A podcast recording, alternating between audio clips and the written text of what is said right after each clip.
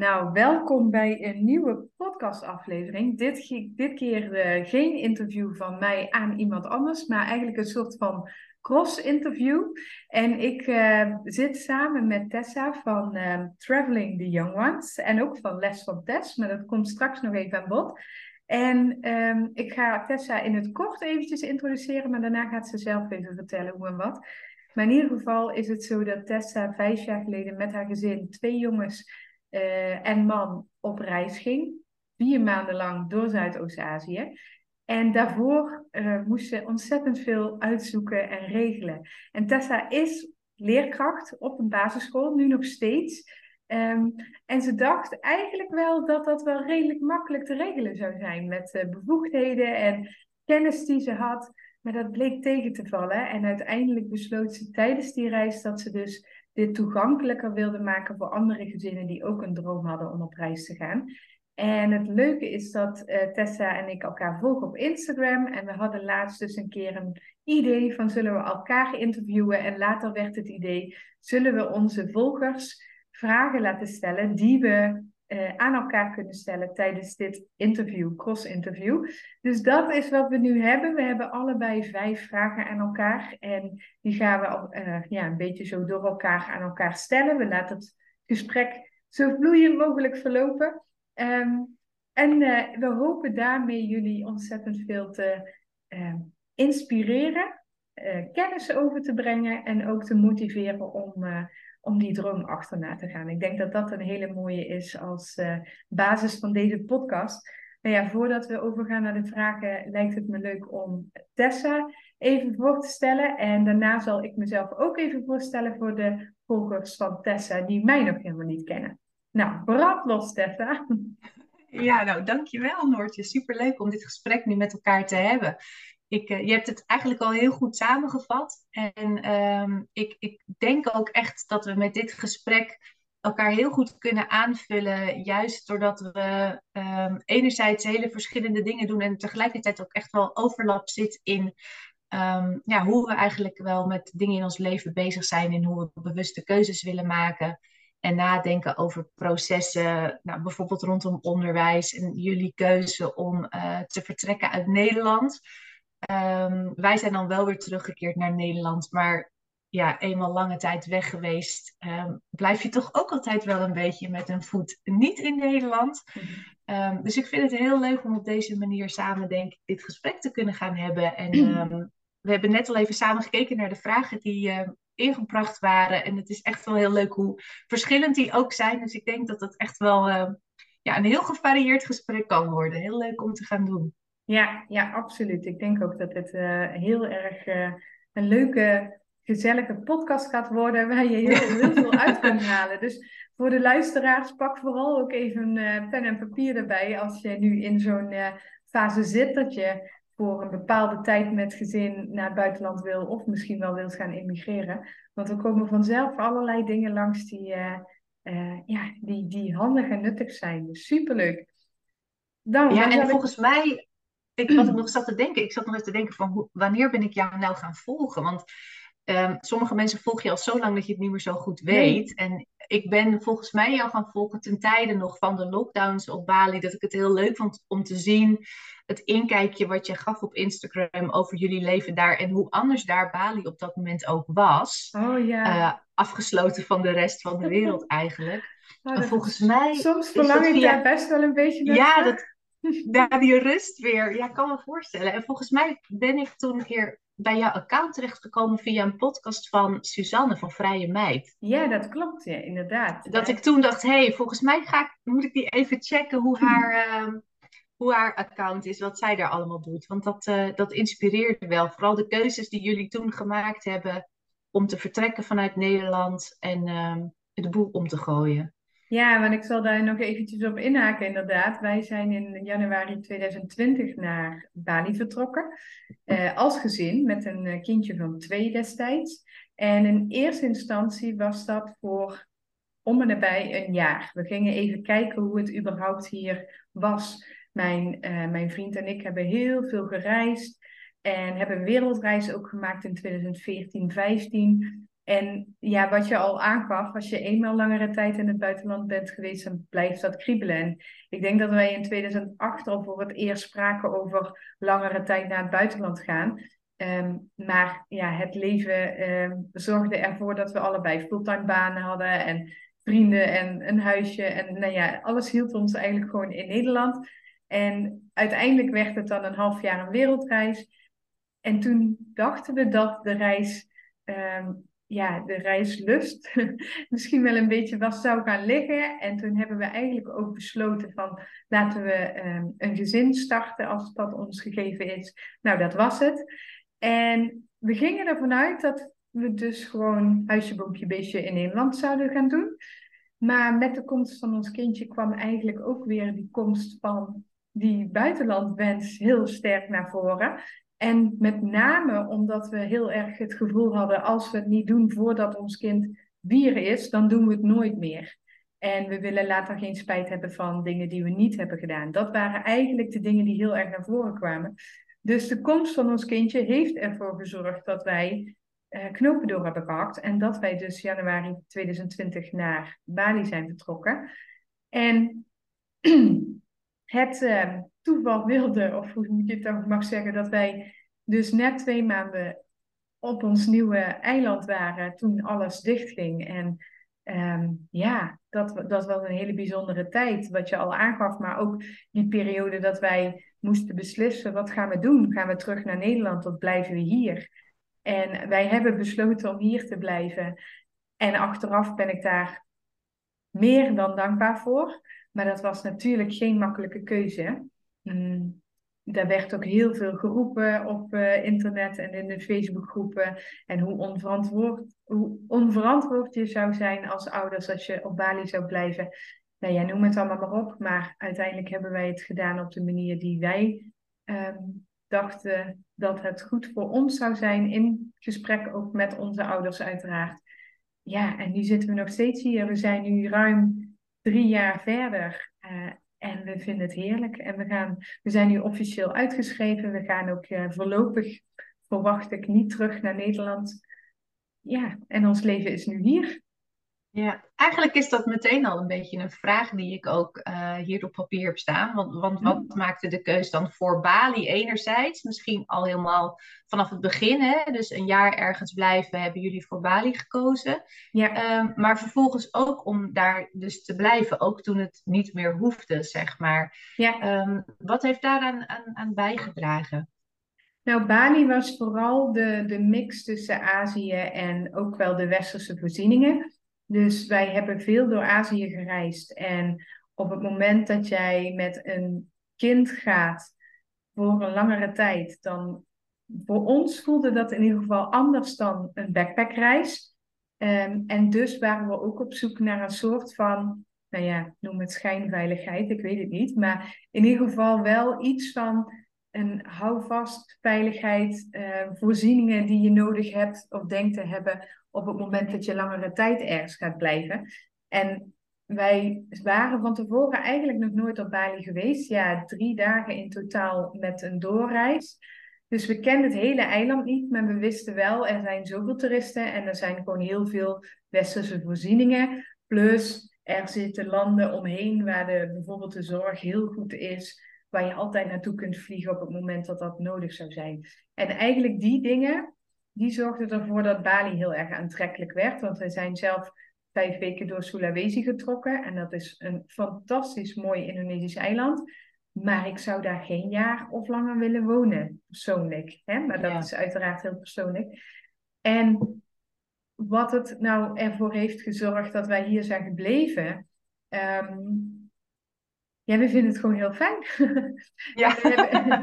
ja, laten we eerlijk zijn. Nou, in Nederland, even, even voor, voor de beeldvorming, um, zouden mijn vriend en ik allebei, uh, nou in ieder geval meer dan drie dagen in de week moeten werken. En zou ons kind inmiddels dan nu gewoon naar een basisschool gaan. Maar dan zou ons leven er gewoon standaard tussen aanhalingstekens uitzien. Met veel werken, uh, ophalen, wegbrengen naar ouders, naar school, naar voetbalclub, et cetera. Maar dat was niet ons droomleven. Zo zag niet ons droomleven eruit. En dan kregen we het eigenlijk een beetje benauwd van misschien wel. Van Dat dat het volgende, de volgende fase zou zijn. En hier hebben wij het leven helemaal ingericht zoals wij willen. En dat is hier ook mogelijk. En ja, dit is zoals wij het leven nu in ieder geval willen leven. En um, mijn, mijn vriend die werkt niet, die is uh, huisvader. Die, nou ja, die werkt heel hard. Die managt zeg maar alles rondom huis. En ja. die zorgt voor ons zoontje. En wij kunnen dus met z'n drieën van mijn online business leven. En daarnaast leven wij elke dag op blote voeten en voelen we hier de ultieme vrijheid en het geluk waar we ook wel gewoon naar op zoek waren en dat we in Nederland niet zo goed konden vinden. Dus dat, ja. Het, het, we gingen echt naar Bali toe met het idee, we gaan eens kijken hoe het ons bevalt in het buitenland. En het beviel ons heel erg goed. Ja, en dus nu met de uren eigenlijk die jij aan het werk bent daar, mhm. ehm, voelt het al veel minder als die 9 tot 5 omdat je en die uren anders kunt indelen. En mhm. ook omdat je gewoon letterlijk natuurlijk op een hele andere plek bent. Ehm, waar je, nou ja, wat je al zegt, op blote voeten de dag door kan brengen. Ja. Ehm, gewoon in een heel ander klimaat zit. Uh, een heel ander ritme überhaupt wat mensen daar hebben. Ja, waar je absoluut. in meegaat. En wat jullie dus op dit moment gewoon heel goed bevalt. Ja, en ik zeg met opzet ook op dit moment. Want ik weet niet waar wij over... Een jaar, twee jaar, drie jaar zijn. Ik denk dat niemand dat weet, maar dat geldt voor ons ook. Dus voor op, dit moment voelt dat gewoon perfect passend bij ons. En nou, een kleine kanttekening. Ik heb altijd in de zorg gewerkt. Ik was eerst verpleegkundige en later ben ik uh, operatieassistent geworden. Daar werkte ik fulltime, daar draaide ik diensten. En daar voelde ik het leven eigenlijk als het ware een beetje wegglippen. Want ik, ik vond het werk inhoudelijk heel erg leuk. Ehm, maar ik was elke dag binnen. Uh, het was op de OK bijvoorbeeld altijd 17, 18 graden. Of eh, als heel Nederland aan het klagen was dat het te warm was, of heel Nederland was aan het klagen dat het sneeuwde, dan voor mij was er zeg maar geen verschil. Het was altijd binnen, altijd 18 graden. Ik was altijd afhankelijk van mijn collega's en mijn en de chirurgen waarmee ik samenwerkte, hoe mijn dag eruit zou zien. Ik had totaal geen eigen inbreng. Ehm, ik ben uiteindelijk geswitcht na een burn-out. En toen ik in Nederland al was gestart met mijn online business, toen viel er al heel veel van dat 9 tot 5 gevoel weg. Toen werkte ik misschien wel veel meer dan die uh, eh, 40 uur. Maar ik vond het werken zo leuk dat het niet meer als werken voelde. En dat geldt eigenlijk nu nog steeds. Dus ik ben nu vijf jaar bij, ja, ik ben bijna vijf jaar ehm, virtual assistant. En het werken voelt nog steeds niet als toen ik in het ziekenhuis werkte. Dus al werk ik hier een week en dat komt echt wel eens voor, meer dan 30, 40 uur, dan nog ben ik zoveel uh, happier en dichter bij mijn gezin dan dat ik ooit was toen ik in Nederland in het ziekenhuis werkte. Dus ja, dat is wel echt een groot verschil. Ik herken dat wel hoor, dat stuk. Uh, die, die keus maken voor jezelf door wat anders te gaan doen. Ik ben dan nu nog weliswaar dit schooljaar nog twee dagen in de klas en volgend jaar nog één dag. Wat ook op dit moment een bewuste keuze is. Want ik heb echt even overwogen, ga ik er gewoon volgend jaar uh, mee stoppen. Mhm. Ehm, maar de basis, de kern van het werken met die kinderen, daar word ik gewoon eigenlijk nog steeds heel blij van. Maar de druk vanuit het onderwijs, en die zal jij vanuit de zorg ook herkennen, die is best wel heel erg groot. Um, ik merkte dat ik dat gaf gewoon steeds minder plezier aan de kern van mijn vak. Ja. En dat vond ik gewoon heel erg jammer. En sinds ik die switch heb gemaakt een paar jaar geleden door het beginnen van mijn onderneming, dan ga je gewoon een compleet nieuwe reis starten. Want je gaat jezelf zoveel nieuwe skills aanleren. Alleen al door het ondernemen aan zich. Maakt niet uit waar ik, zeg maar. Nee, absoluut. Ehm, dat het gewoon al bijna niet als werken voelt. Omdat je gewoon voor jezelf zoveel dingen aan het leren bent. En zo dicht bij je eigen missie van wat je graag wil overbrengen aan anderen. Ja. Um, ja, een heel ander plezier en uh, voldoening geeft dat weer. Dus ik herken wel wat je zegt daarin. Ja, mooi dat je dat inderdaad nog een keer zo zegt. Want hoe was dat dan van jou? Want je zegt vijf, vijf jaar geleden zijn jullie op reis gegaan.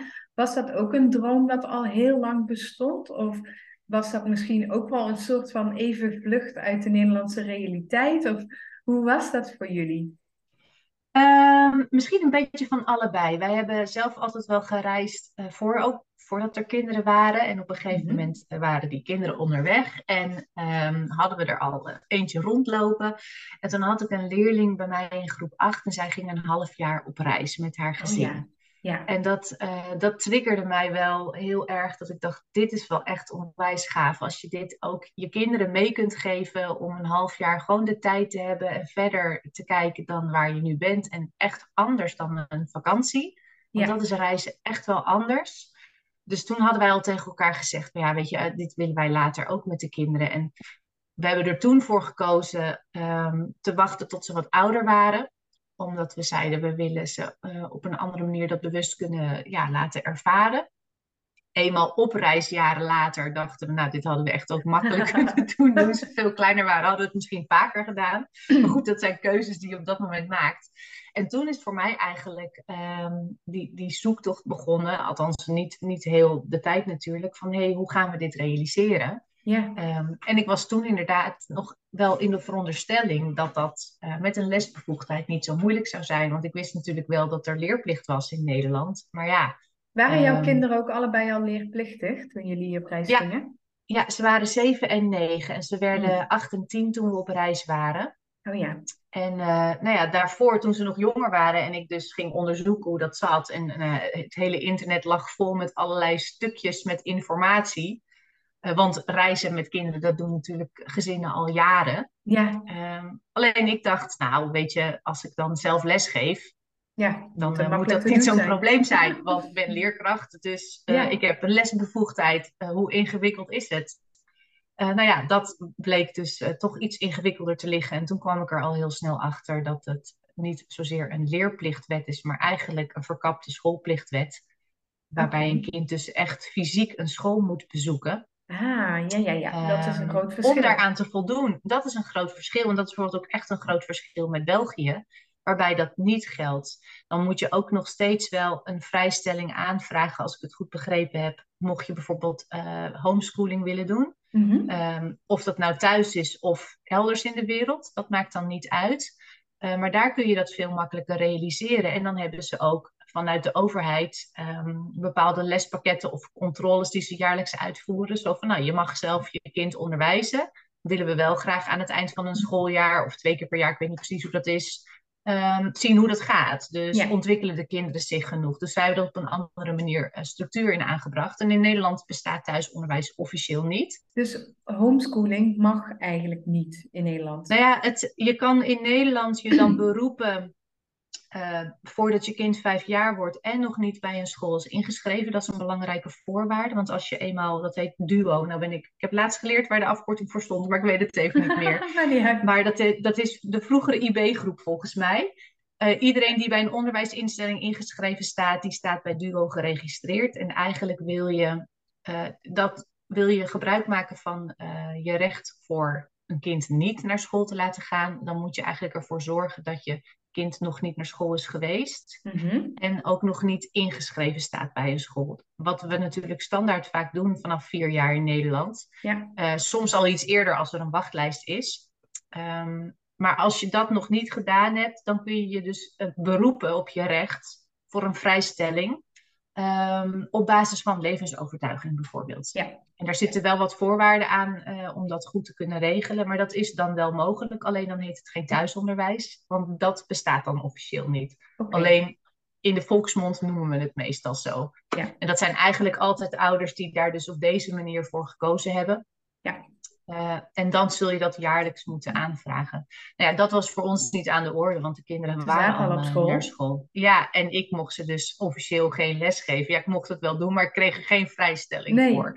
Dus toen begon er een beetje een puzzel van, oké, okay, hoe gaan we dat dan wel realiseren? Want eh, ja, we hadden wel besloten dat we zouden gaan en dat we ons hier niet door zouden tegenhouden. Ja, wat goed, want dat is wel iets wat, wat makkelijk gebeurt. Hè? Op het moment dat je Ja. dit soort regeltjes allemaal tegenkomt, dan zou je bijna zeggen, ja, dan laat maar zitten, dan gaan we wel zes weken in de zomervakantie. Ja, precies. Ja, en het is toch echt wel anders. En, en we- ik vond het vooral ook heel erg krom. Dat eh, zeker ook nog eens in combinatie met een lesbevoegdheid die je dan Ja. hebt zelf. Ja, dacht ik, waar hebben we het over? En elk gezin, ook wat ik spreek, wat hier eh, in de voorbereidingen mee aan de slag gaat, het zijn allemaal ouders die hun kinderen iets extra's willen meegeven. Ze willen ze helemaal geen onderwijs ontzeggen. Ze willen juist dat die kinderen nog veel meer leren. Alleen een periode niet op school. ja, ja, en dat maakt het zo krom, omdat die leerplichtwet daarin eigenlijk nooit meer is aangepast. En helemaal met de nieuwe manier van werken, wat voor steeds meer mensen geldt, wat je Ja. vaak op heel veel plekken kunt doen, zou kunnen doen. is ja. het niet, ja, is het helemaal niet logisch dat het schoolsysteem zich daar niet in mee aanpast. Want Mhm. ik vind het heel makkelijk om te zeggen, ja, dat wordt het heel, wordt het heel lastig organiseren als eh, Pietje om tien uur binnenkomt en, en Sanne komt pas over een week weer terug. Daar kan je echt wel je schoolsysteem op aanpassen. Het vraagt een andere flexibiliteit van je als school. Maar het is, het is heus niet zo dat er continu een zoete inval is Nee. van iedereen die maar vertrokken is. Nee. Ook niet iedereen zit erop te wachten. Nee, inderdaad. Nee, er zijn heel veel mensen waarbij dit totaal geen droom is. Wat Nee, die vinden het helemaal prima. prima is. Hè? Ja, ik Ja, bedoel, maar geef, iedereen, geef, eh, geef de mogelijkheid. ja, dat je kunt inderdaad. kiezen. Ja, inderdaad. Ja, dat bedrijf brengt me dan meteen even bij een vraag die een volger eh, heeft ingestuurd. Ehm, wanneer ga je wel of niet uitschrijven? En waarom ga je wel of niet uitschrijven? Want wat hebben jullie dan uiteindelijk, waar hebben jullie uiteindelijk voor gekozen? Want ik wil, als ik jou hoor zeggen, en ik krijg die berichtjes wel eens vaker in mijn inbox van mensen. Wij komen naar Bali eh, met eh, deze en deze kinderen en we zijn op zoek naar een school waar we ze kunnen inschrijven. En dan kunnen we in ieder geval komen en dan mag het Ja. van school. En dan gaan we ze hier gaan we wel kijken of ze wel of niet gaan. Maar ja, jullie gingen rondreizen, dus dat was geen optie, denk ik. Nee, klopt. Want een school in het buitenland is een hele eh, legitieme keuze, inderdaad, die mogelijk is om te realiseren. Als je dan een bewijs van inschrijving hebt. Ja, En ze verwachten natuurlijk ook wel dat je dan naar school gaat, maar het wordt 9 van de 10 keer niet meer gecontroleerd. nee, ja. Eh, maar dat is, dat is een vrij eenvoudige manier om het gewoon via de leerplichtwet te kunnen regelen. Maar ga je rondreizen, is dat inderdaad een stuk lastiger. Ehm, dus bij ons kwam ook het uitschrijven om de hoek kijken. Mhm. Eh, en daar heb ik voornamelijk wel even de tijd voor nodig gehad om daar een knop in om te zetten. Omdat ik het zo onlogisch vond dat iets als uitschrijven, wat bij de overheid gewoon betekent je emigreert, Ja, eh, in feite, dat ja ik dacht, inderdaad. is dat dan nodig om dit te mogen doen? En het voelde als een soort trucje wat niet zou mogen, terwijl het dan dus eigenlijk wettelijk gezien wel mag. En dat, dat gaf bij mij wel een beetje kortsluiting in het begin. Ik vond dat zo krom binnen het systeem, dat dat dan de route zou zijn dat het wel kan. Ja, dat snap ik. Ehm, hebben wij wel voor gekozen. Ook omdat als we het eh, niet zouden doen en we ons eh, bij terugkomst. eh, kijk, er zijn natuurlijk ook ouders namelijk die ervoor kiezen om open kaart te spelen en zeggen: Nou, we weten dat we die vrijstelling niet krijgen, we gaan wel. En als we Mhm. terugkomen, ja, kom maar op, we vertellen ons verhaal wel en dan eh, pakken we die boete wel, die er dan om de hoek komt kijken. Ehm, en je begaat een overtreding en dat, die boete is al snel hoger dan, nou, het is het, volgens mij is de ondergrens 100 of 150 euro dat het als aantekening, eh, zeg maar, bij jezelf eh, neergezet wordt. Mhm. Ja, dus die aantekening die krijg je en dat kan een probleem geven bij het, bij het krijgen van een VOG. Afhankelijk van in welke beroepsgroep je werkzaam bent. Nou ja, daar zitten natuurlijk heel veel ouders niet op te wachten. Nee. En in mijn geval zou ik dan de overtreding begaan direct Ja. binnen hetzelfde werkveld waarin ik werk. Dus dacht ik, ah, dat is, dat is Niet echt heel niet handig. Dus toen hebben we ervoor gekozen om, eh, om uit te schrijven. Ehm, Ja. Want als je uitschrijft uit Nederland, dan wonen je kinderen niet meer in Nederland en is in feite de Nederlandse leerplichtwet niet meer van toepassing. En een kind blijft eigenlijk in theorie altijd leerplichtig. In die zin, ze hebben altijd het recht om te leren. Ik denk dat het ook eerder leerrecht zou moeten heten dan leerplicht. Ja, absoluut. dus die, die plicht om je kind onderwijs te bieden, die blijft eigenlijk altijd gelden. Alleen op dat moment dus niet meer in Nederland en niet meer die schoolplicht in Nederland. En een leerplichtambtenaar hoeft alleen maar kinderen te, in feite te controleren die hier wonen of ze hier naar school gaan. Ja. En ben je uitgeschreven, dan is dat dus niet meer aan de orde. En dan kun je dus gewoon homeschoolen of worldschoolen of Ja. unschoolen of hoe je het Kan je ook het op een wil. manier organiseren die, die jij op dat moment voor jouw gezin passend vindt. Ja. ja, en voor jou was dat dus homeschooling tijdens het reizen. Ja, ja, en op dat moment was ik inmiddels ook eh, gaan werken op de school van mijn kinderen. Want ik wilde heel graag eh, weer terug naar het Montessori-onderwijs. Want daar voelde ik me binnen mijn eigen worstelingen met het onderwijssysteem. Terwijl ik wel het lesgeven nog steeds heel leuk vond, vond ik het, on- het Montessori-onderwijs op dat moment, eh, kon ik meer, beter mijn ei kwijt. Mhm. Dus ik werkte op de school van mijn eigen kinderen. Dus collega's zeiden ook, ja, eh, je kent de school, je kent het Ja. systeem, dat ga je gewoon lekker zelf doen. En eh, hoezo mag dat niet? Was ook vanuit hun Ja, eigenlijk zo'n vraagteken. vraag. Ja, dus dat, eh, dat hebben we zelf gedaan. En eigenlijk wel redelijk nog volgens een vast programma. Zou je je dat nu natuurlijk- anders doen als je nu nog een keer Ja. zou gaan? Ja, zou ik zeker te anders streng? doen. Toen misschien? Nou, misschien niet zozeer te streng, maar wel dat je toch echt wel. We hadden van tevoren gewoon echt wel een plan gemaakt. Ehm, en dat doe ik nu ook nog steeds als ik ouders begeleid. Maar ik zeg er nu echt wel bij: het, is, het moet niet leidend zijn. Ja. Je moet wel blijven kijken naar de situatie op dat moment. Mhm. En ik zou daar nu in tweede instantie veel meer ruimte in durven nemen. Ja. Eh, want ze leren zoveel. En dat ik, dat ik denk van, oh, dat hadden we best wel wat losser kunnen doen. En dan hadden ze nog steeds voldoende opgepakt om weer lekker terug in de school eh, Ja, zeg maar. Ja. Dus ik zou dat nu wel losser durven laten. Maar toen, weet je, je gaat weer terug naar de school waar je werkt met je Ja, collega. Je wil graag laten zien dat het kan. En dat die kinderen niet ineens terugkomen van, ah, wat is er gebeurd? Ja. Dus eh, dat zat er voor werd, werd niet vanuit school gezegd hoor, maar dat was dan meer vanuit mezelf. Ja, Ja. wij nemen ze mee. Dan merk ik bij ouders ook wel, ja, je voelt je verantwoordelijk op dat moment voor keuzes die je voor je kind natuurlijk maakt. Eh, wil je graag wel dat dat goed gaat? Ja, snap ik. Die voel ik helemaal als eh, moeder van een vijfjarig jongetje die niet naar school gaat. Ja, want jullie organiseren dat eigenlijk op een hele andere manier, hè? Ja, dat klopt. Je- Althans, wij organiseren het nog niet eens zo heel Nee, erg. precies. Ja, maar Wij, dat is eh, ook natuurlijk een keus daarin. Absoluut, het is een hele bewuste keuze en daarin komen we ook allerlei uitdagingen tegen. Wij eh, kiezen vooralsnog voor een schooling, dus het eh, niet volgen van een ehm, curriculum eigenlijk. En het grappige is, mijn moeder is dus leerkracht basisonderwijs en zij is nu boven de 70, maar zij werkt nog steeds als leerkracht. Dus als ik, eh, ja, ik ben gewoon opgevoed door een juffrouw als het ware. Ehm, en het, en het nog grappiger is dat ik ben dus ook helemaal niet per se tegen het Nederlandse schoolsysteem of curriculum, alhoewel ik daar echt wel mijn vraagtekens bij sommige eh, aspecten bij heb. Maar het is niet zo dat ik anti-school ben. Ehm, maar ja, het grappige wat ik nu dus merk is dat hoe vanzelf het gaat. En misschien komt dat doordat ik dus ben opgevoed door een juffrouw. Maar ik maak overal een ehm, onderwijsmoment van. En het grappige was bijvoorbeeld vanochtend, eh, wij hebben dus alle tijd aan ons in ons nieuwe leven. Dat is ook wat we zo prettig vinden. Vanochtend waren wij, eh, wa- was ik samen met mijn zoontje het ontbijt aan het maken. En we hadden twee bananen en eh, Michiel wilde twee stukjes banaan en de rest van de... Hij mag alles snijden, hij vindt koken fantastisch. Dus ik laat hem alles snijden en we doen eigenlijk alles daarin samen. Nou, op een gegeven moment zaten er eh, bij mijn bakje zaten eh, twee banaantjes en bij hem vijf. We hadden nog een banaan en dat gingen we verdelen. En dan moesten we dus uiteindelijk het bakje van mij en van mijn zoontje moesten net zoveel stukjes banaan hebben. En bij het bakje van mijn man maar twee stukjes.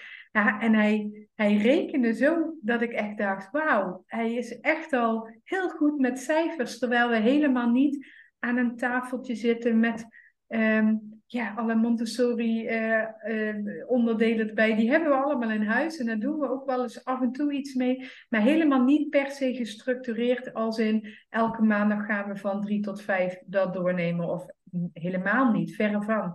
En toch merk ik dat als jij met aandacht ehm, met je kind bezig bent en van elk, ja, elk moment bijna een leermoment maakt, dat het zo vanzelf gaat. Met als grote kanttekening dat ik pas net kom kijken als moeder en als uh, moeder van kind wat uh, aan het leren en aan het ontwikkelen is. Dus voor nu is dit prima en goed en voelt het perfect voor ons. En ik weet niet hoe hij zich gaat ontwikkelen en of het stakjes voor hem saai wordt, of dat hij te weinig uitdaging heeft, of dat wij het niet meer bij kunnen benen, of dat het ergens anders uh, strookt. Nou, op dat moment zullen wij daar zeker in uh, gaan meebewegen. En dat is eigenlijk zoals wij het voor onszelf nu hebben ingericht. Voor nu doen wij unschooling. Zo, ja, want echt homeschooling kun je het niet noemen, terwijl we toch stiekem heel veel uh, onderwijs geven, als het ware. Ja. Um, en we bewegen mee met de behoeften van een ieder bin, binnen ons gezin. Ja. En... ja, want dat was ook wel een vraag die ik had gekregen van hoe zien jullie dat voor je voor de komende jaren? Dus eigenlijk beantwoord je dat al een beetje. Maar volgens mij is er op Bali ook wel veel mogelijk naast gewone reguliere scholen ja. aan uh, homeschoolingsmogelijkheden of groepjes die bij elkaar komen om op die manier ja, wat gestructureerder is... bezig te zijn. Klopt dat? Ja, dat is inderdaad echt wel, wel het mooie aan um, het ontdekken van nieuwe culturen, maar ook gewoon het samen zijn met meerdere um, nationaliteiten. Want iedereen doet het hier zoals het bij hun gezin past, lijkt het wel. Behalve de Indonesische mensen zelf. Daar, daar zit echt nog wel een, een uh, ja, het, het vergelijkend met Nederland en misschien wel met Nederland een aantal jaren geleden. Dus iedereen gaat netjes in schoolpakjes en dan wordt flink getoetst, links en rechts. Um, maar er zijn heel veel andere initiatieven. En wij zitten dus niet met een leerplicht, omdat we uitgeschreven zijn uit Nederland. Je staat hier in Indonesië ook niet uh, als zodanig ingeschreven. Dus wij vallen ook niet onder een, een of andere Nederland, uh, Indonesische leerplicht. Wij zijn eigenlijk is, die in, is die in Nederland of in Indonesië Weet je dat? Uh, ik weet niet precies hoe het is, maar het is niet echt een leerplicht. Want wat ik begreep, maar daar zijn andere mensen meer van op de hoogte. Niet iedere ouder kan hier het onderwijs betalen. Dus het zit, ja. volgens mij is het geen plicht, maar ja, ik weet niet precies hoe dat, uh, hoe dat juridisch nee, of okay. zit. Maar wij zijn eigenlijk als het ware wereldburgers. Dus wij kunnen precies inrichten zoals we het zelf willen. En met ons vele anderen. Dus je ziet inderdaad vooral rondom Ubud zijn er heel veel. En Canggu trouwens ook zijn er heel veel initiatieven van homeschoolingsgroepjes. Maar ook gezinnen die zich onderling bij elkaar gooien. Waarbij ze om en om uh, een dag les doen. Uh, maar ook uh, international schools. Ja, je kunt zo gek niet bedenken of het is er. En ja. Dat maakt ook dat we zeg maar wat makkelijker zijn in dat meebewegen. Want stel dat je volgende week zegt, je hebt ons zoontje, eh, dat hij volgende week zegt, mama ik wil toch naar school, dan kan dat. We zitten niet vast aan september, we zitten niet vast aan vijf dagen in de week. We kunnen bij wijze van spreken één dag in de week een school hier uh, organiseren. Uh, met deze keuzes maakt het ook wel weer lastig om te zoeken naar de juiste school. En zit je dan ook in de juiste regio voor die school? Maar goed, dat zijn even wat andere um, issues. Voor nu is het zo dat we zoveel mogelijk unschooling doen. En uh, we noemen het inmiddels ook restaurantschooling. Want meestal ga ik op vrijdag met Jip naar een restaurantje waar we iets lekkers bestellen. En dan uh, wat van die oefenboekjes uh, doornemen. En dan, uh, dat heeft hij zelf omgedoopt tot restaurantschooling. Ja, en hij is vijf, hij spreekt drie talen. Um, hij rekent, hij, hij, hij leest een beetje. hij leert schrijven in het zand op het strand. Ik, uh, en hij leert ontzettend veel van bezig zijn met ons. Dus uh, in de tuin werken, naar de plantjes kijken, met de Balinese buurman uh, alle geneeskrachtige planten uh, uitzoeken.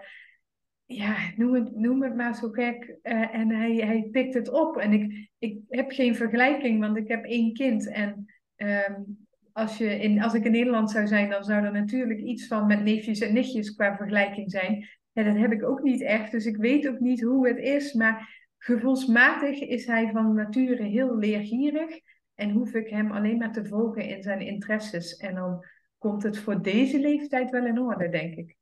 Ja, en wat, wat nog wel eens een kritische vraag kan zijn, die had ik nu overigens niet hoor, is uh, dat je van ouders wel eens hoort van nou, hoe zorg je er dan voor dat wel de sociale contacten met leeftijdsgenootjes er genoeg zijn. Die heb je misschien ook wel eens oh, uh, gekregen.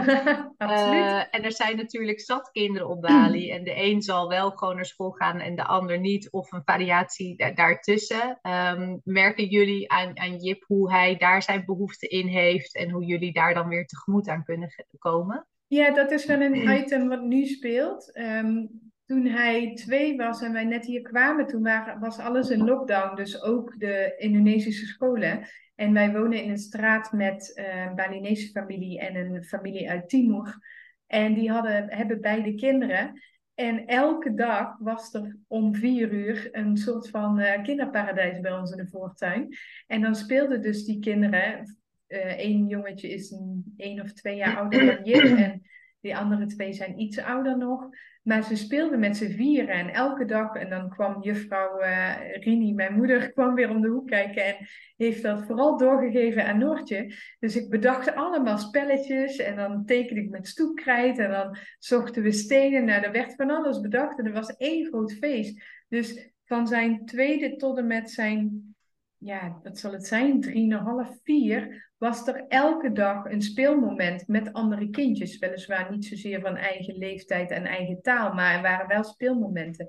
En dan zijn we natuurlijk regelmatig op het strand te vinden waar veel kindjes waren. En dat ging helemaal prima. Um, inmiddels is hij vijf.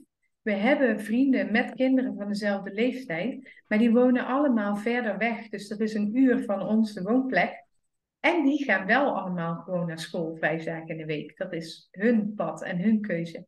Dus nu merken wij dat, um, ja, dat er wat minder, want onze buurkindjes die gaan inmiddels ook gewoon weer fulltime naar school. Er is gewoon wat minder aanbod in het spelen met andere kinderen. Nou, Jip zelf zegt dat hij dat niet zo erg vindt. Maar goed, hè, in hoeverre is, uh, is dat, uh, kun je dat voor waarheid aannemen bij een kind van vijf. Ik denk voor een groot gedeelte wel, maar als ouder heb je daar dan toch weer een beetje een inschattende rol in van oké, gaan we hierin mee of moeten we Ja, wat is zijn referentie ook, zeg maar. Ja, juist. Hè? Hij, weet, hij weet niet beter. En we hebben hier natuurlijk nu een paar keer gehad dat hij een heel leuke klik had met, met vriendjes um, die hier waren, maar die waren hier dan voor een half jaar of voor een paar maanden. Dus dan heeft hij daar een hele leuke band mee opgebouwd. Dan gingen we daar regelmatig mee naar het strand en spelen. En dan gingen die weer weg. En dat merk ik nu die vijf is, dat dat wel langzaam ja, wat meer uh, leeft en wat meer pijn doet. En dat hij nu ook zegt, ik mis nog steeds dat en dat jongetje. En een paar weken geleden, daarom is dit nu ook zo actueel, had hij, hij had een ontzettend leuk vriendje leren kennen uh, in Ubud toen wij daar een paar maanden woonden. En daar hebben we een heel veel mee gespeeld, superleuk. En die ging weer terug naar Zweden. Uh, en die komt over een jaar waarschijnlijk wel weer terug naar Bali. Maar goed, dat is toch een, een gap van een jaar.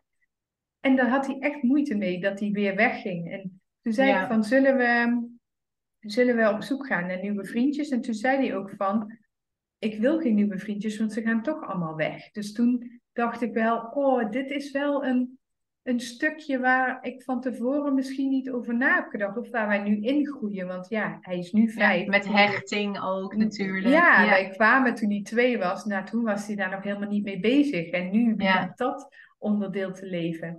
Um, dus ik ben op zoek gegaan. We hebben toevallig afgelopen weekend contact gehad met een gezin met ook een jongetje van zijn leeftijd. Die wonen hier niet zo ver vandaan. Die gaan wel ook fulltime naar school. Maar zij blijven op Bali. Zij zijn ook niet van plan om terug te gaan. En we gaan kijken of we daar um, regelmatig mee kunnen afspreken. Zodat hij toch gewoon iets van een vriendschap opbouwt wat langduriger is. Die heeft hij overigens met zijn vriendjes in Ubud, maar die ziet hij gewoon veel minder, omdat dat verder ja. weg is. Dus ja, ja precies. ook dit brengt uitdagingen met zich mee. En we zijn nu uh, qua sociale dingen zijn we ook aan het kijken naar. Je hebt hier heel veel kidsclubs, wat bij de hotels en nou ja, zo precies. zitten. Want dat kan ja. natuurlijk een prima alternatief zijn als een hobby die je gaat doen. Um, juist. waar je natuurlijk ook van leert. Heel waar erg. je wel waar je dan ook je sociale contacten op die manier natuurlijk Ja, kan en- ophalen. En inderdaad, Jip is eh, super sociaal van nature. Dus ik maak me wat dat betreft helemaal geen zorgen. En hij kan met elke leeftijd omgaan. Hij is heel lief voor babytjes. En hij kan ook ontzettend goed omgaan met oudere mensen. Dus zijn sociale ehm, eh, variatie is gewoon heel groot. Omdat hij met alle soorten en ook nog eens alle internationaliteiten eh, contact maakt. Dus het, het, het is ook heel veel rijkdom. Maar ik mis een beetje voor hem, en dat vul ik natuurlijk in als ouder. Dus in hoeverre dat dat van hem komt, weet ik niet. Maar ik mis voor hem een beetje dat opbouwen van een echte vriendschap. Wat langdurig is en waar je over twintig jaar nog, nog steeds een keer mee gaat uiteten, bij wijze Ja. van spreken. Nou ja, ik kan me wel voorstellen dat zo'n signaal wat hij dan geeft, ik hoef Ik wil- geen nieuwe vriendjes, Ja, want ze gaan toch weer weg. Dat is niet een basis die je mee wil geven. Nee, Dat, nee. Dus ik kan me wel voorstellen dat je daar dan eh, iets mee wil doen, inderdaad. Ja, dus daar gaat nu even de aandacht naar uit. En eh, daar praten we dan ook onderling over. En ja, inderdaad, die kidsclubs, daar gaat hij wel naartoe, maar daar gaat hij dat niet opbouwen. Want dat is vooral voor vakantiemensen. En dat is heel leuk om met verschillende mensen te leren omgaan en speelgoed delen en, en samen op pad gaan. Maar ja, dat is allemaal kortdurende relaties, zeg maar. Dus ja, ook ja, dus dat is eh, niet, dat is niet als ehm, een wekelijkse sport die je doet met kinderen die gewoon vandaar zijn, die wel blijven. Ja, dat, Dat hebben we nu ook. Nee, ja, dit, die kidsclub is inderdaad anders. Dat is echt voor, ehm, voor de mensen die in de hotels zitten, zeg maar. Oké, Ehm, ja. Maar hij gaat nu wel ook gewoon één keer in de week naar de capoeira. En dat zouden we zelfs nog kunnen uitbreiden naar twee of drie keer in de week als ze dat willen. Eh, en daar zitten inderdaad jongetjes die gewoon hier ook wonen. En, Ja. ehm, ja, dus we zijn er wel mee bezig. En, en op die manier proberen we dat, ehm, vooral die langdurige eh, sociale contacten op te bouwen.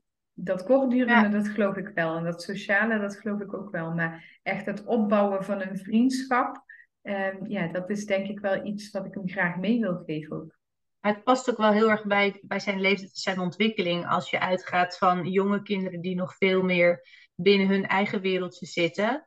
En eh, dat, dat leer, leer je ook heel erg vanuit de Montessori-filosofie. En waarom ze dus met gemengde groepen ook heel bewust werken in de klassen. Is dat dan zo'n middenbouwleeftijd waar je langzaam naartoe aan het groeien is eigenlijk met vijf jaar. Als je het vergelijkt met een regulier onderwijssysteem, zeg maar. Dan Mhm. zou je richting groep drie gaan als het ware Ja, vanaf, ehm, vanaf die groep drie het ligt natuurlijk niet helemaal vast qua leeftijd, gaan kinderen echt alweer hun blik verder verwijden en verder de wereld inkijken met een wat breder perspectief kunnen ze Ja. dan ook bevatten. En dan richting die bovenbouwleeftijd is het helemaal natuurlijk een groter perspectief en kan je veel beter begrijpen wat er ook buiten jouw gezichtsveld aan de andere kant van de wereld gebeurt.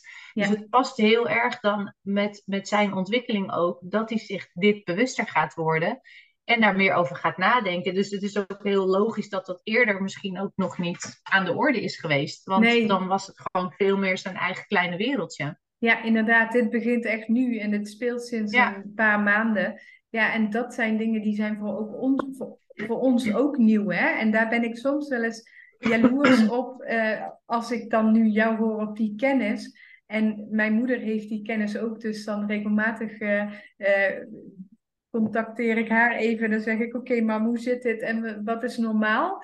Eh, en dan kan zij mij dat ook vanuit die kennis eh, duidelijk maken. En dan kunnen wij daar weer op inspelen. Ehm, maar ja, wij, wij groeien met hem mee en hij groeit met ons mee. En we doen het echt samen. En dat was natuurlijk voor ons ook wel een van de dingen die we gewoon graag wilden in ons leven. Maar ehm, ja, dat brengt mij dan weer, dat is wel leuk, want dat brengt mij bij de volgende vraag aan jou.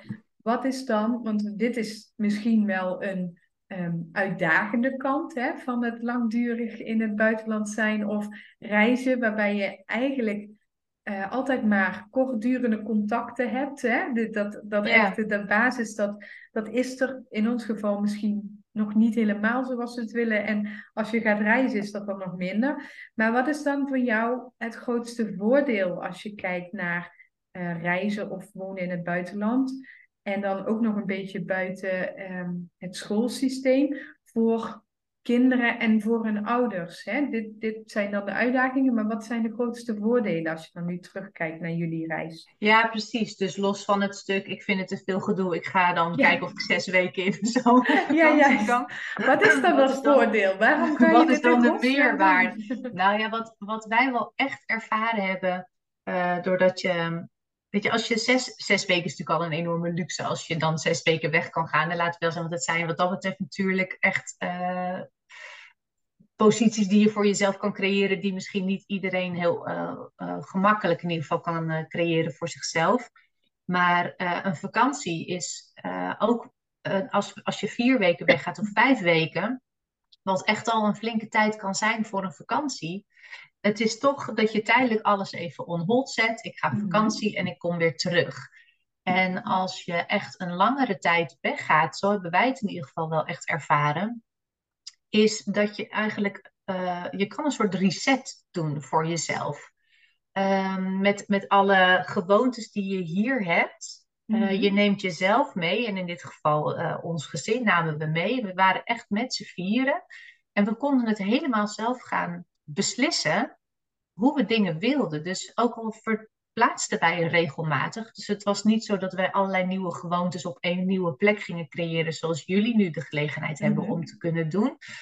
Um, creëer je ze toch wel. Want ook door het reizen krijg je een bepaalde routine. Bepaalde gewoontes die goed voor iedereen werken. Iedereen krijgt ook een bepaalde rol. Je hebt ook allemaal een bepaalde positie in je gezin. Um, en die kan gewoon heel anders zijn dan thuis, want je komt los van familie en vrienden en van de gewoontes van thuis gekoppeld aan je werk. Althans, we hebben dat toen uh, on hold gezet toen we op reis waren. dus je kan echt even een soort nieuwe start maken. Ja. Um, en dat maakte het wel echt anders dan een vakantie waarbij je dat niet doet. En het maakte ook dat als je terugkeert, dat je aan de ene kant uh, voor je het weet zit je wel weer in je routine van dingen die je gewoon thuis doet. Tegelijkertijd is het ook nooit meer hetzelfde en is er ook echt wel wat veranderd, waardoor je ander soort keuzes maakt als je weer teruggekeerd bent. En ik merk dat ook bij de kinderen wel, die stonden er natuurlijk toen op die leeftijd, weet je, zijn daar niet bewust mee bezig. Um, want die gaan, wat dat betreft, eigenlijk, ja, we, we, gaan op reis, wij gaan gewoon mee. Ja, ja, ja. ja. zo, zo is het dan ook wel weer. Um, en wij hebben ze natuurlijk ook van tevoren wel meegenomen in de voorbereidingen. En um, daarin is ook wel het proces van ons samengemaakt. Maar zij zijn niet bezig met, oh, ik ga nieuwe gewoontes doen. En wij hebben dat ook niet heel bewust als keuzes, dat we dat, maar dat ontstaat op zo'n moment. En dat realiseer je ook niet altijd van tevoren, want wij hadden dat ook nog nooit op die manier gedaan. Maar aldoende merk je dan dat je echt uh, andere keuzes kan gaan maken en andere dingen beslist. En uh, als op een andere manier kan gaan doen. En we zagen daardoor de kinderen dat ook wel op die manier anders aan gaan pakken. Andere kanten van henzelf, uh, die ineens weer meer naar voren kwamen, die misschien thuis een tijdje ja, gewoon niet meer aan toegekomen waren. Ook omdat ze gewoon in een systeem zitten. Dus er komt weer meer ruimte voor andere ontwikkelingen. Kun je die dan vervolgens. Um, nou, enerzijds bijvoorbeeld de taal. Ja. Ze konden met hun zeven en negen jaar een heel klein beetje Engels. Uh, vanuit of dingen van televisie of wel eens met een computerspelletje dat ze met iemand aan het praten waren. Maar oh, ja. in, in, in Azië um, merkten ze heel snel dat heel veel mensen heel graag met het, door middel van Engels wilden communiceren, maar dat lang niet altijd even goed konden. Waardoor zij zelf helemaal geen drempel ervaarden van, oh, ik kan dit niet goed en dan durf ik het niet. Want zij merkte, oh, maar deze mensen kunnen het ook nog niet zo goed. En die doen dat ook gewoon. Dus hun drempel om gewoon Engels te gaan praten uh, was heel laag. En hebben ze heel snel geleerd daardoor. Ja, wat leuk. Um, en, en, dat, en ook het stuk dan op andere mensen af durven stappen. Dus een ander soort zelfstandigheid um, en zelfredzaamheid kwam echt wel in een bepaalde versnelling terecht. Ja. Uh, doordat en hebben ze dat vast kunnen houden?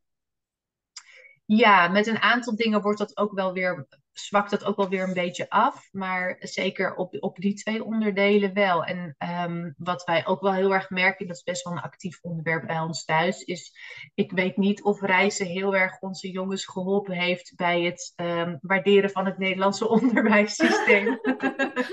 oh jee. Ja, want dat was ook een hele leuke vraag.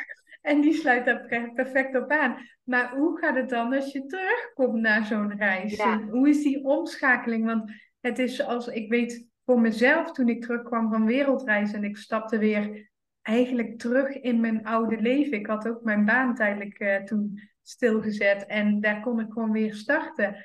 Man, dat was nogal iets heftigs om, uh, om uh, ja, alles weer hetzelfde te zien gaan en alsof je nooit weg was geweest. En dat is dan voor iemand die bewuste keuze heeft gemaakt en volwassen is. Maar hoe gaat dat dan bij kids?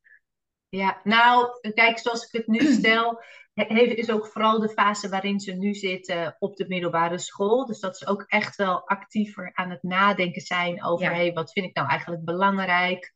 Uh, enerzijds in mijn leven, maar ook met wat ik wil leren en alles wat ik op dit moment op school leer, dat vind ik totaal niet zinvol. en dat is aan de ene kant kan dat, is het deels een puber die praat, die gewoon niet altijd zin heeft. Maar tegelijkertijd uh, komen ze wel met argumenten waarvan ik zeg, ja, ik snap het ook wel. Wat er nu geleerd wordt inhoudelijk, mhm.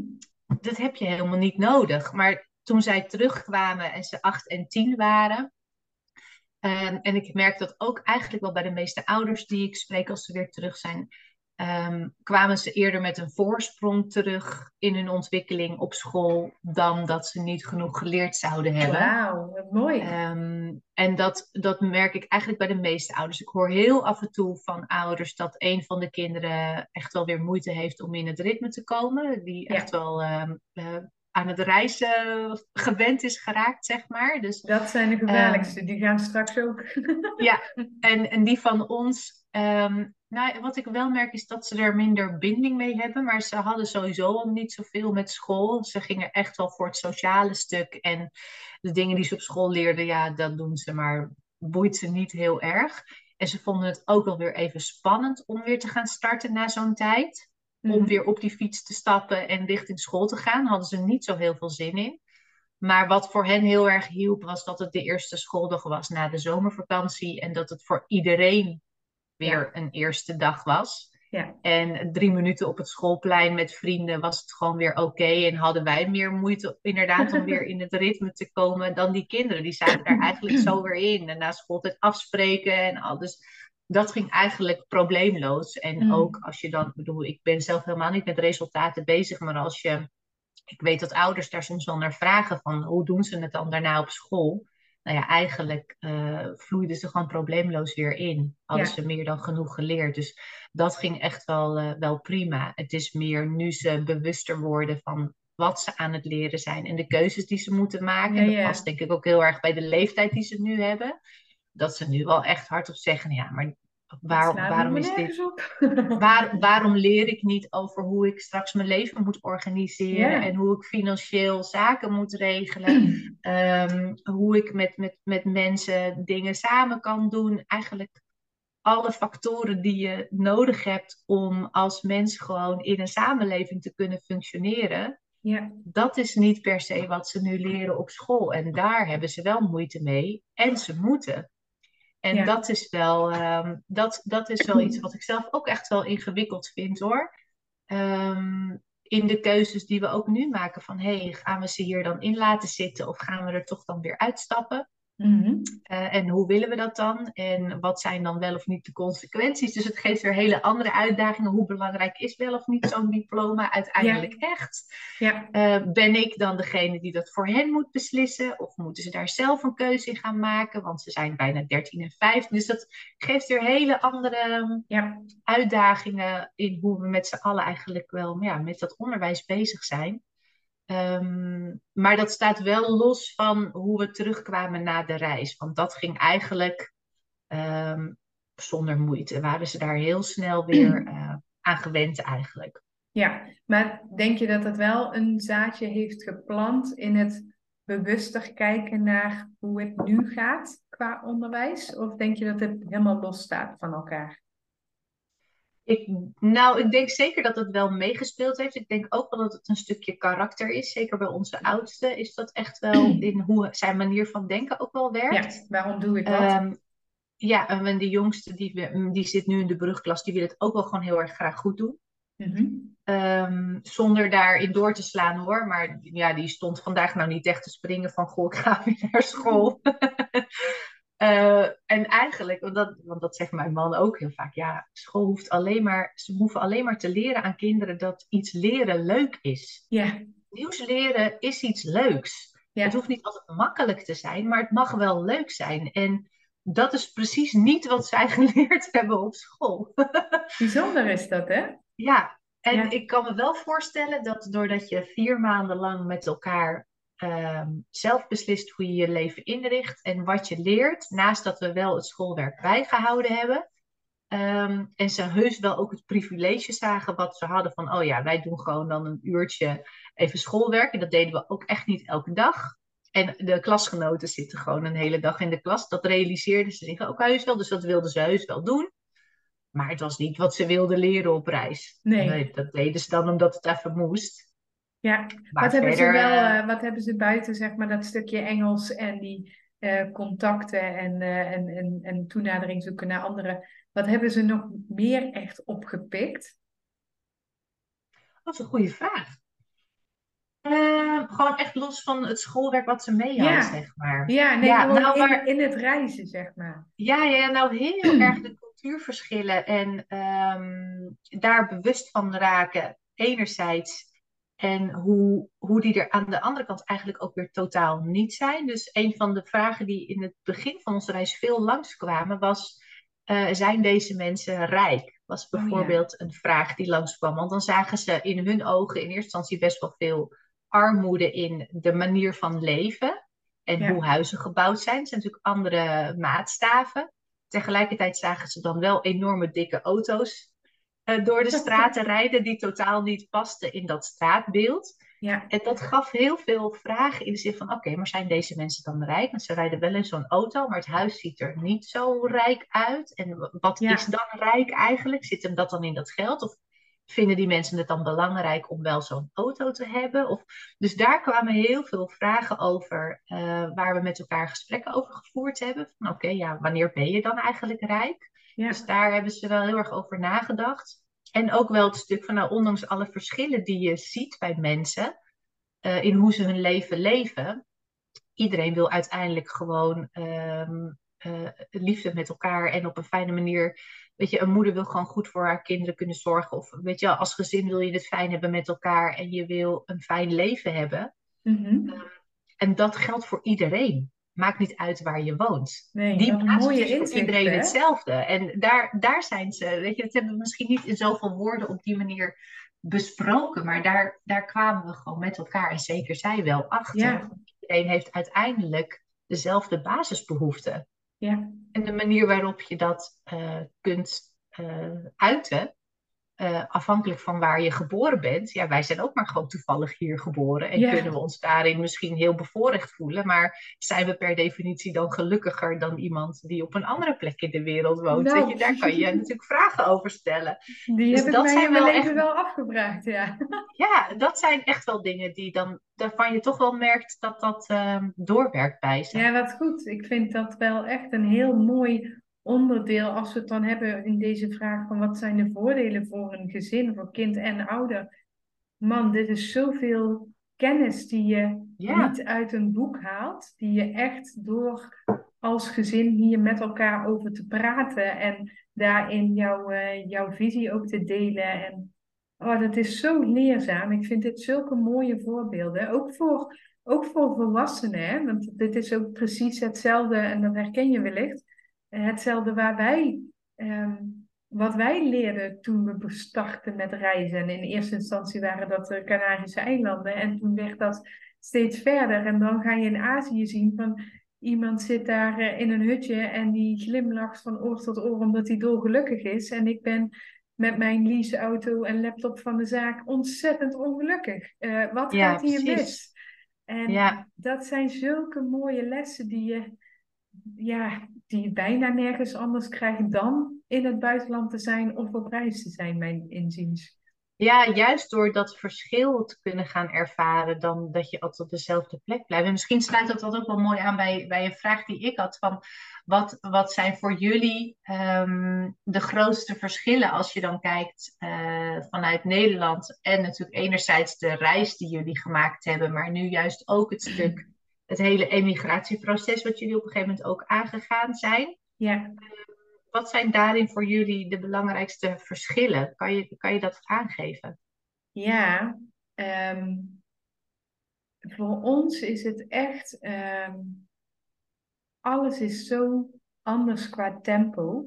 Uh, maar echt alles. En nou heeft dat grotendeels ook te maken met het unschoolingspad wat wij nu hebben. Want wij hoeven nergens te zijn. Onze dagen zijn ja, als het ware open. Dus wij staan op. Uh, wij hebben wel echt ons ritme. Wij, uh, mijn man en ik staan elke dag om zes uur op. Uh, Jip wordt meestal nu inmiddels wel iets eerder wakker. Maar we hebben met hem afgesproken dat hij rond half acht, acht uur uit bed komt. Dus hij vermaakt zichzelf tot die tijd. En wij hebben echt allebei onze eigen tijd om nou, te lezen of te mediteren of een podcast op te nemen of wat dan ook. Dus we hebben wel structuur, maar vanaf het moment dat Jip wakker is of opstaat, is het heel rustig aan. En dat vinden wij heel fijn. Dus we hoeven bijna nooit ergens om een bepaalde tijd te zijn. Daardoor is er ook bijna nooit tijdsdruk. Daardoor is er ook verre van een ochtendspits of iets wat daarop lijkt. Daardoor is er ook bijna geen ehm, strijd of meltdowns of wat dan ook, omdat ons leven anders ingericht is. Sterker nog, ik kwam echt een paar dagen, een paar weken geleden achter het woord tantrum en ik had geen idee wat dat betekende. En het is echt niet zo dat Jip alleen maar lacht en alleen maar makkelijk is. Maar tantrums hebben wij in dit huishouden niet, of zelden, of als, dan is het denk ik niet eens in die categorie te noemen. Um, omdat, die, omdat ons leven heel anders uitziet. Omdat daar dus geen tijdsdruk is. En we moeten echt wel een keer om zeven uur bij de immigratiedienst zijn. Maar omdat dat dan maar één keer in zoveel tijd is, is dat ook helemaal geen probleem. En dan bereiden we dat voor en dan gaat dat allemaal als een trein. En dat maakt ons leven heel erg makkelijk en licht als het ware. En daarnaast werkt het klimaat enorm mee. Want we, ja. we, ja, we doen de deur open en we lopen op blote voeten naar buiten. Je kunt in je onderbroek naar buiten lopen. Um, we hebben kleren is aan de hand van wat is het minst warme vandaag op mijn lijf. En ja, dat maakt alles zoveel makkelijker. En ik merkte heel erg zelf, als ik voor mezelf spreek. Wij zijn vorig jaar zeven weken terug naar Nederland geweest voor familie en alles te regelen. Wat we nog moesten regelen. En um, alleen al een stukje van dat je je afvraagt of de schoenen bij je outfit passen. Of dat je hm. haar niet te vet is. En dat soort dingen, dat speelt hier gewoon niet. Ik ben gisteren naar het strand geweest. Ik heb haar in een knotje gedaan. En volgens mij zit het nog precies zo als ik het gisteren na het zwemmen heb gedaan. En vanavond ga ik mijn haar wassen. En het maakt helemaal niemand uit of ik dat nou gisteren doe of vanavond. Of... Het, het speelt niet. Wat ik aan heb, nou, de Balinese buurman loopt in een shirtje met gaten. En die maakt zich daar ook niet druk om. Dus het maakt hem ook niet uit wat ik aan heb. En in sommige plekken op Bali is dat natuurlijk wat meer aan de hand, maar in ons leven niet. En het enige waar wij ons mee bezighouden, ik heb natuurlijk mijn structuur in mijn werk. Um, Michiel en Jip hebben ook hun taken en ook hun, uh, hun ja, dingen die ze doen samen. Maar ja, het is gaan we vandaag naar het strand of morgen naar het strand. Dus onze keuzes, onze uh, uitdagingen, en we lopen hier ook tegen uitdagingen aan, ben maar niet bang, maar alles is veel ja, ze, in het Indonesisch zeggen, in het Indonesisch zeggen ze plan plan. En dat betekent rustig aan. Maar ja, dat is ook zo. Dit is echt, ja, zes standen langzamer, bij wijze van spreken. En dat verschil merk ik vorig jaar in Nederland heel erg. Eh, onze families wonen anderhalf uur uit elkaar. Dus wij reden of met de trein of met de auto van A naar B. En die gejaagdheid en die gestrestheid, die voel je enorm als je een tijdje weg bent uit Nederland. En ik kan me dat ook nog herinneren na de wereldreis van een half jaar. Dat ik uh, op mijn gemak 110 reed. En dat ik nou ja, bijna nog geen middelvinger kreeg van, wat ben jij in godsnaam aan het doen uh, op de rechterbaan 110? Ga naar huis. Uh, en dat ik dacht, man, doe toch eens allemaal rustig. En dat hadden wij dus vorig jaar in Nederland ook. Dat, vind, dat is zo intens als je daar een hele lange tijd uh, niet meer in hebt gezeten. Ja. Dus ja, um, dat is voor ons echt wel het grootste verschil.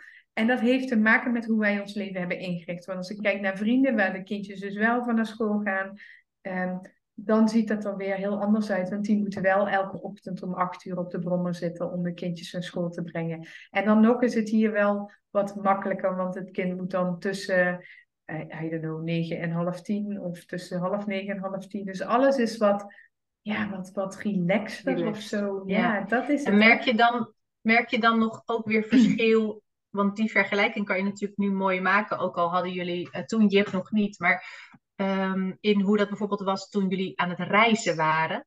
Vergeleken met weer nu. Want je hebt eigenlijk heb je, nou, het leven in Nederland, een, een mhm. wereldreis en dan nu wonen op Bali. Je hebt eigenlijk drie verschillende aspecten die je daarin met elkaar kunt vergelijken. Ja. Um, was dat dan nog anders reizend? Ja, ik kan nu echt zakken in die uh, relaxedheid. Dus we zijn nu natuurlijk ruim drie jaar hier. En ik ben daar helemaal in geland, als het ware. Dus ik, uh, dat hele Nederlandse ben ik kwijt. Maar dat had ik het eerste jaar en misschien het tweede jaar hier op Bali ook nog. Want dat zit zo in je systeem.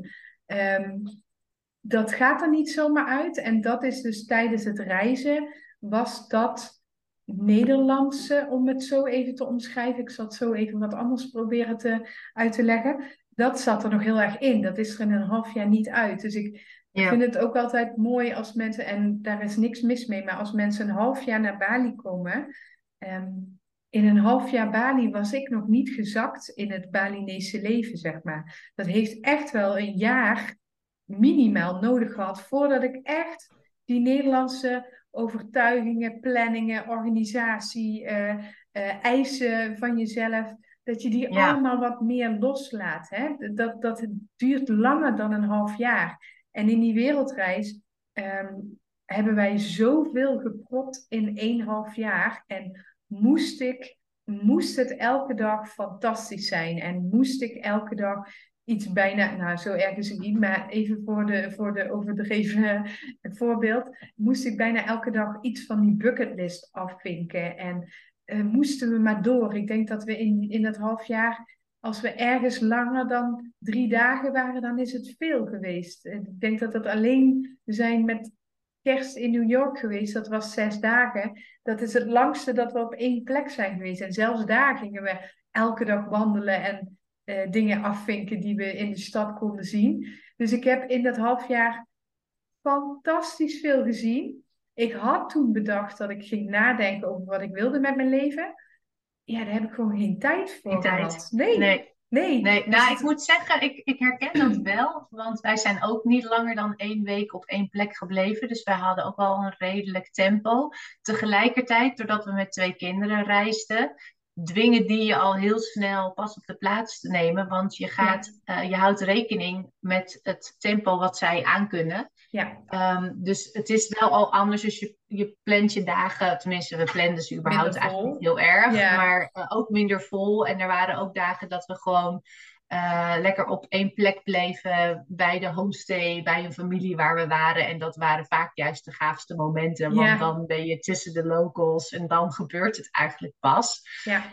Um, maar ik herken, ik herken wel wat je zegt. En wij hebben ook wel gezegd van de volgende keer dat we gaan, willen we en langer gaan. Um, en dan minder verplaatsen. Dat we gewoon veel meer vanuit één plek gaan leven en van daaruit dingen kunnen gaan doen. En dan op een gegeven moment weer verplaatsen en daar weer wat langer blijven, zodat we uh, nog meer slow travel doen, zeg maar. Dat gaat weer hele andere um, ervaringen geven. Want ja. dan, dan wordt een wijk of een dorp of waar je dan ook zit, wordt eigenlijk echt een beetje je nieuwe omgeving. En ja. dan, dan kom je mensen wat vaker ook tegen. En ja, dat soort dingen. Dat is weer heel anders. En dat, omdat wij hier natuurlijk nu lang op één plek zitten, kom je gewoon ook weer um, uh, sociale dingen tegen waar je weer mee mag omgaan. Hè? Ik bedoel, uh, in Nederland kom je bijvoorbeeld, uh, ik noem even wat, moeders bij het schoolplein tegen waar je geen klik mee hebt. Hier heb je dat het eerste half jaar of een jaar kun je dat allemaal uh, vermijden, omdat je heel erg in je, of ja, niet vermijden, maar dan komt dat niet op je pad, omdat je in je eigen bubbel zit. Diezelfde bubbel als je op reis bent, dan is dat er ook niet. Maar als je langer op die plek blijft, ja, dan kom je ook weer elke keer dat je naar het strand gaat dezelfde mensen tegen. En soms zijn dat mensen die heel erg goed passen, soms niet. En hoe ga je daar dan weer mee om? Dus het, het daagt je weer op een hele andere manier uit dan tijdens het reizen. Terwijl je daar ook wel eens momenten tegenkomt dat je in een bus zit achter mensen waar je liefst uh, niet mee praat. Dus het, het heeft beide, het is gewoon een hele andere ervaring. Maar um, het, het heeft me verbaasd hoe lang het duurde om om mijn Nederlandse Noortje, om het zo maar even te zeggen, om die um, beetje bij beetje los te laten. En um, helemaal te gaan naar wat ik wil en wens. En zelfs nu nog, want ik word soms gewoon uh, meegenomen weer. Want ik ben natuurlijk veel op Instagram aanwezig en daar krijg je toch gewoon alles mee vanuit Nederland. Of vanuit de Nederlandse visie, of hoe je het ook wil noemen. En zelfs nu kan ik daar nog steeds wel eens in meegaan. Alleen doordat er letterlijk fysiek zoveel afstand is, ehm, is het makkelijker om dat dan weer te laten varen. Maar het duurde echt lang voordat dat uit mijn systeem was. Als ja, zeker achteraf kan ik me voorstellen. Want ja. als, als je toen erin zat en je was een half jaar weg, had je waarschijnlijk voor je gevoel al heel veel daarin losgelaten en vertraagd en wat dan ook. Maar nu kun je natuurlijk nog meer uitzoomen over een iets langere tijd en kan je nog beter zien hoe dat eigenlijk echt tijd heeft gekost. Ja, en dat is grappig, want ik zie dus nu ook mensen die hier dus nog veel langer zijn dan dat wij hier zijn. Dus echt 10, 15 plus jaar. Ehm, en hoe die nog veel meer losser zijn van al die regeltjes en overtuigingen en patronen en noem maar Wat is je voorland? ja, juist. Ja, dus dit is heel grappig om, dat, om die, dat ook te zien. En dat zij ook, nu kun je ook zeg maar, um, zij hebben dat waarschijnlijk bij ons gehad van, oh ze zitten nu in die fase. Oh leuk, oh dan komen ze dadelijk in die fase. Ja. Maar andersom zou ik dat nu dus bij wijze van spreken ook weer bij andere mensen kunnen zien. Oh ja, nu zit je in die en dan ga je naar die en dan ga je pas alles loslaten. Oké. Ja. ja, grappig. Ja, heel leuk. Maar hoe combineer jij dat met, um, met jouw werk? Want dat was een vraag ook die ik had gekregen van uh, die balans houden hè, met thuiswerken enerzijds. En nou, je had al een beetje aangegeven hoe je dat, hoe je dat een beetje verdeelt. Je werkt veel met Nederlandse klanten volgens mij, ja. of hoofdzakelijk. Dus je zit ook natuurlijk met um, het tijdsverschil waar je ook af en toe rekening mee zal moeten houden. Ik bedoel, wij hebben natuurlijk ook zo naar negen ja. in Nederland. hoe, hoe zorg je ervoor dat dat goed in balans blijft en hoeveel tijd ben je daar gemiddeld genomen nou dan uiteindelijk toch mee kwijt? Dat het voor ehm, jou ook nog oké is, zeg maar. Ja, inderdaad. Nou, uh, allereerst vinden wij, is het voor ons gezin heel fijn dat daar structuur en duidelijkheid in is. Uh, vooral ook omdat ik vanuit huis werk en dat Jip hier rondloopt en dat hij ook weet, nu is de deur dicht, nu, moet ik, uh, nu kan ik mama niet storen, nu is de deur open, maar ze is aan het werk en ik kan wel binnenlopen. Dus daar, daar zijn we gewoon heel duidelijk in geweest. Dat werkt voor ons alle drie heel prettig. Ja in principe houd ik aan van maandag tot en met donderdag um, Indonesische, Balinese tijd van gewoon zeg 9 tot uh, half 6 uh, eh, rondom die periode. En dat betekent dat ik maar een hele korte overlaptijd heb met de Nederlandse werktijd. En dat is dus eigenlijk van drie tot half zes middags mijn tijd. Dus ja. s ochtends kan ik al mijn werk doen zonder dat ik gestoord word. En aan het einde van de dag heb ik mijn meetings. Um, inmiddels is dat helemaal um, prettig. En in het begin was dat heel lastig, want uh, ik had zoveel meetings dat ik het niet gepland kreeg. En dan ging ik maar in de avond werken. Maar het is hier elke dag om half zeven donker. En ik heb dan natuurlijk al een hele werkdag gehad. Plus het is hier elke dag 30 graden, wat ook wel iets vraagt van je lijf. Dus om acht uur s'avonds was ik eigenlijk gewoon wel klaar om nou, in ieder geval niet meer te werken. En dan moest ik dan nog een meeting in van anderhalf uur van coaching. Dat um, kan ik, maar dat is echt tandvleeswerk. En dat put je wel uit. Dus ik ben, ben op een gegeven moment ook wel daarin mijn aanbod iets gaan veranderen. Dat er minder één op één meetings en contact is. En dat het meer ehm, ja, dingen zijn die je kan uitvoeren zonder dat er overlegmomenten nodig zijn. Want het is heerlijk voor mij om van 9 tot 3 te kunnen werken zonder dat er appjes binnenkomen, mailtjes of wat dan ook. Want dan kan ik gewoon echt meters maken.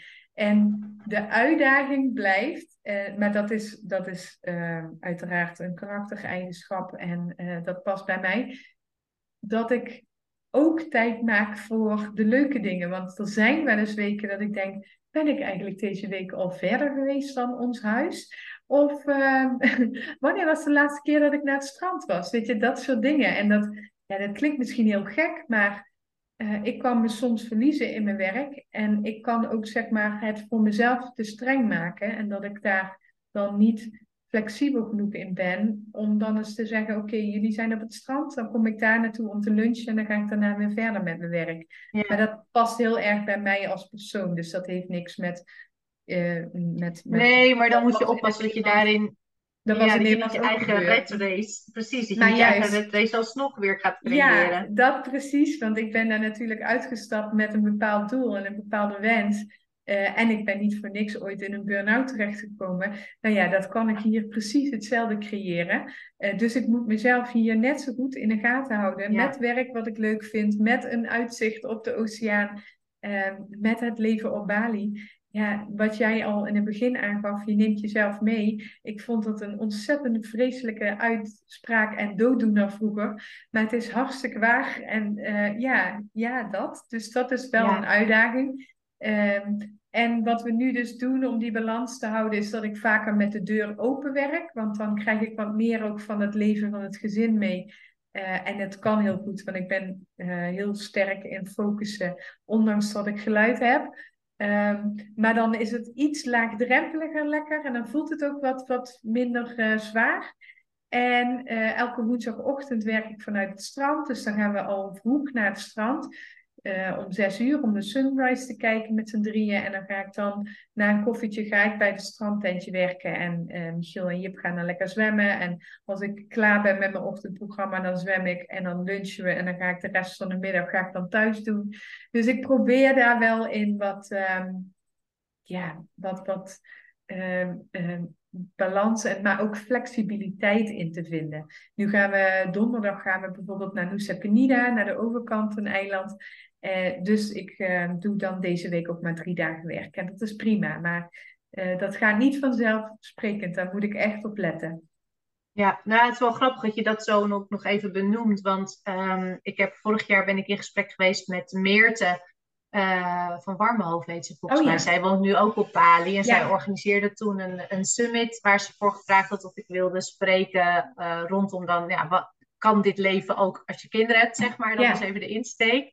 En zij vertelde dat ook wel, dat voornamelijk ook mensen die um, niet zo'n leven hebben als jullie op dit moment gecreëerd hebben voor jezelf. Um, want dan kan het heel erg lijken op, oh, de digital nomad lifestyle en met je laptop op het strand en alsof dat altijd maar heel relaxed is. Maar ze zegt, ja, je bent gewoon aan het werk. En ja.